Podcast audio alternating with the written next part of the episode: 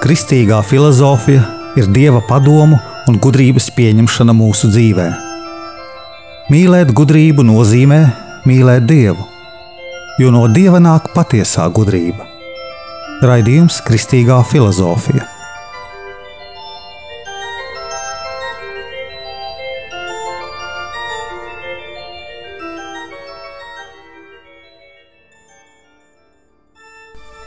Es esmu Jānis Valtra Vitsenheims, un ar jums ir 63. raidījums Kristīgajā filozofijā.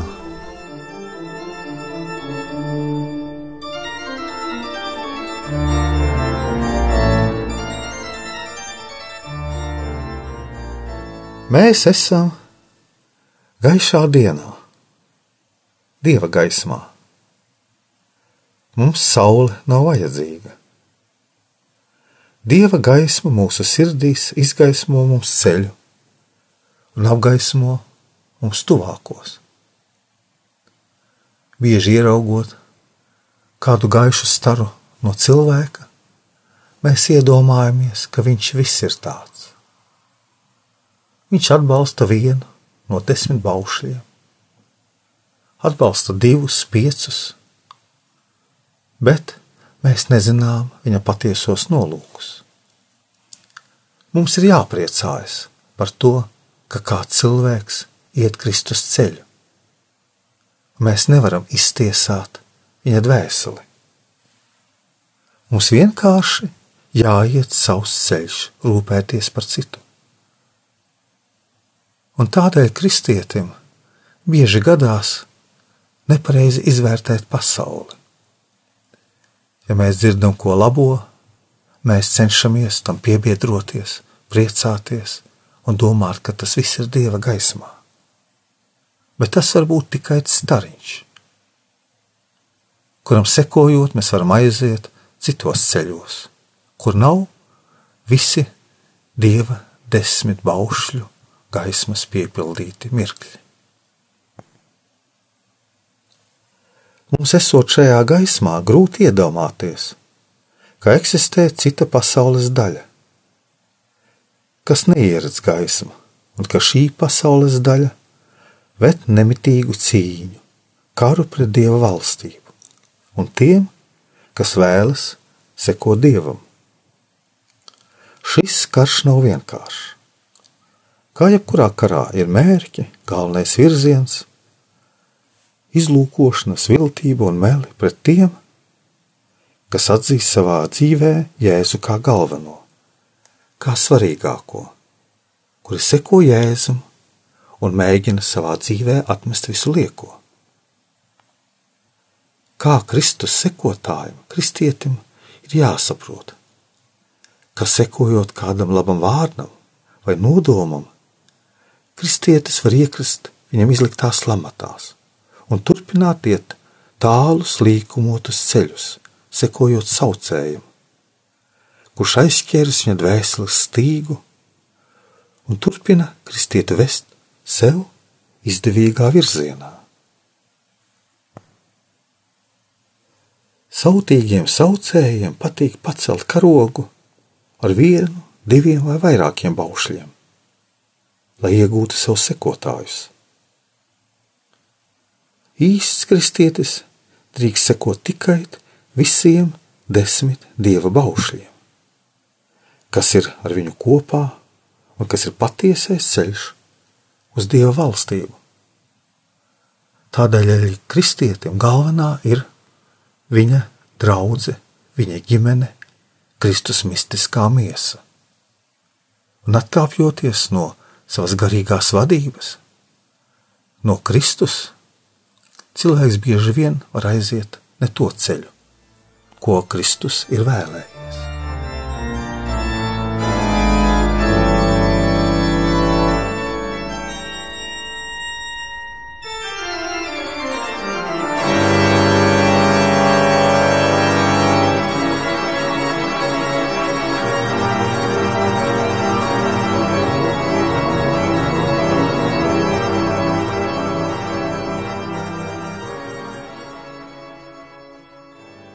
Kristīgā filozofija nav filozofijas vēsture, bet gan īstā dzīve, un mēs reizēm varētu salīdzināt kristieša dzīvi ar viņa ieiešanu tirgu.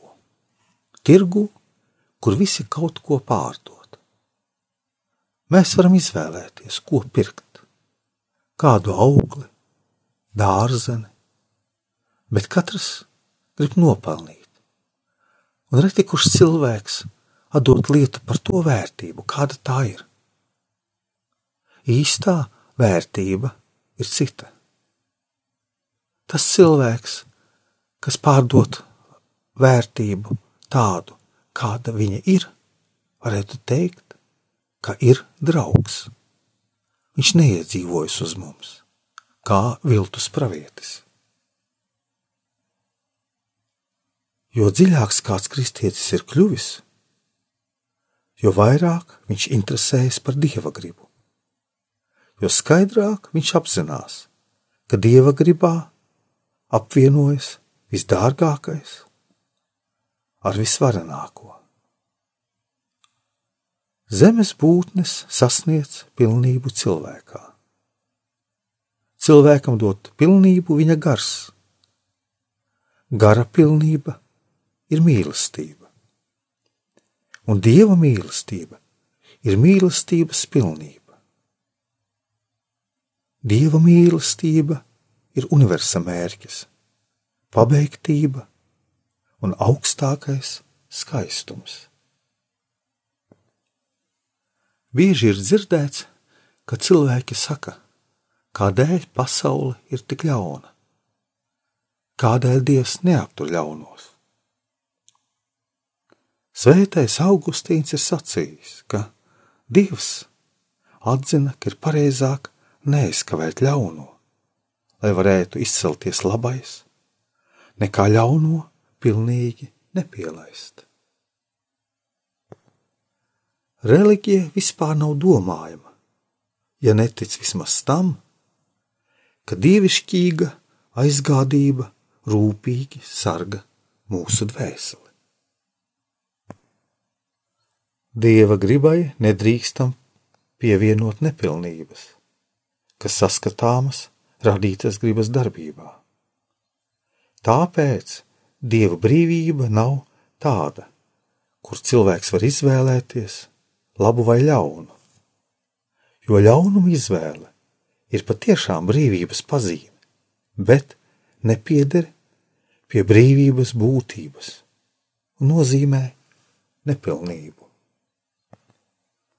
lai gan Dievs visu spēj, taču mēs tādēļ nedrīkstam teikt, ka Viņš var melot, krāpt vai būt piekrāpts.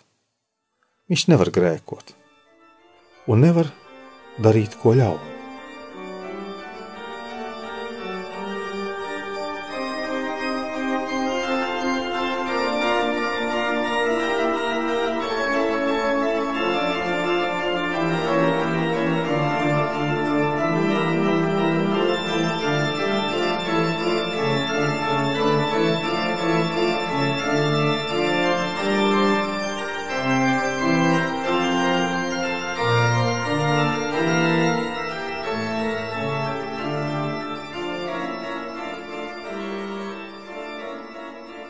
Aristotelis ir sacījis, ko kuģim nozīmē stūrmanis, ratiem zirga vadītājs, korim diriģents, valstī likums, pulkam pulkvedis, to dievs nozīmē pasaulē. Lai cilvēks kļūtu laimīgs, jāapmierina vispilnīgākā mērā divu tipiski cilvēcisku spēju, prāta un gribas prasības. Prāts prasa pēc patiesības, bet ne tikai pēc tādas vai citas, bet pēc visas patiesības. Griba būtiski prasa pēc tā, kas ir labs, bet faktiski pēc visa labā. Spējas būt neapmierinātas ja patiesais un labais būtu sasniegts tikai daļēji. Tur nedrīkst būt robežas. Ne mūsu patiesībai, ne mūsu labumam. Kad viena patiesība sasniegta, cilvēks par to priecājas. Un jau tiecas pēc otras, nākošās. Tas pats sakāms arī par mūsu iegūtajām mantām. Cilvēki, kas dzīvo mantu pasaulē, iegūstot kādu mantu, tiecas pēc nākošās. Viņam vajag ar vien vairāk un vairāk. Tāpat arī naudas pasaulē. Grūti bagātam iet debesu valstībā. Mēs bieži redzam bagātus cilvēkus, miljonārus, kur arī vēlas būt ar dievu, bet loģiski domājot, ja viņš būtu ar desmit dieva baušļiem, viņš nebūtu miljonārs. Viņš uzreiz šo naudu izdalītu. Viss, ko cilvēks gūst, ir tikai daļa no patiesā, daļa no labā, ierobežota lieluma vērtības.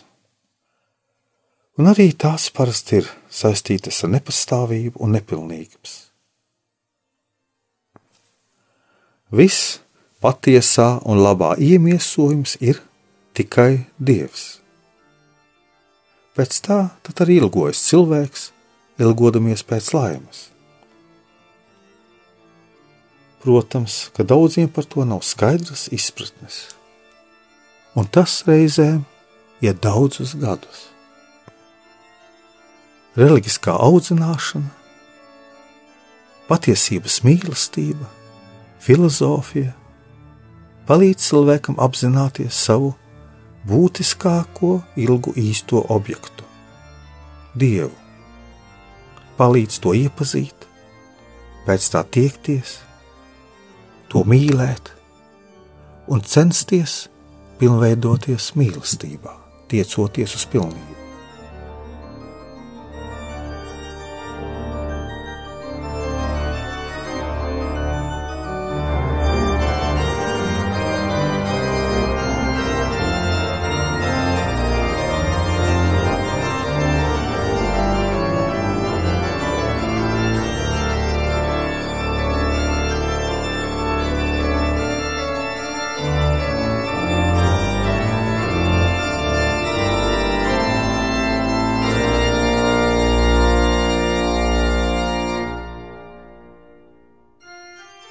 Es esmu Jānis Valtra Vitsenheims, Jeruzalemes Kristus kapa ordeņa bruņinieks. Un jūs klausījāties kristīgo filozofisko lekciju, lai mēs spētu atšķirt savu tiekšanos uz pilnību.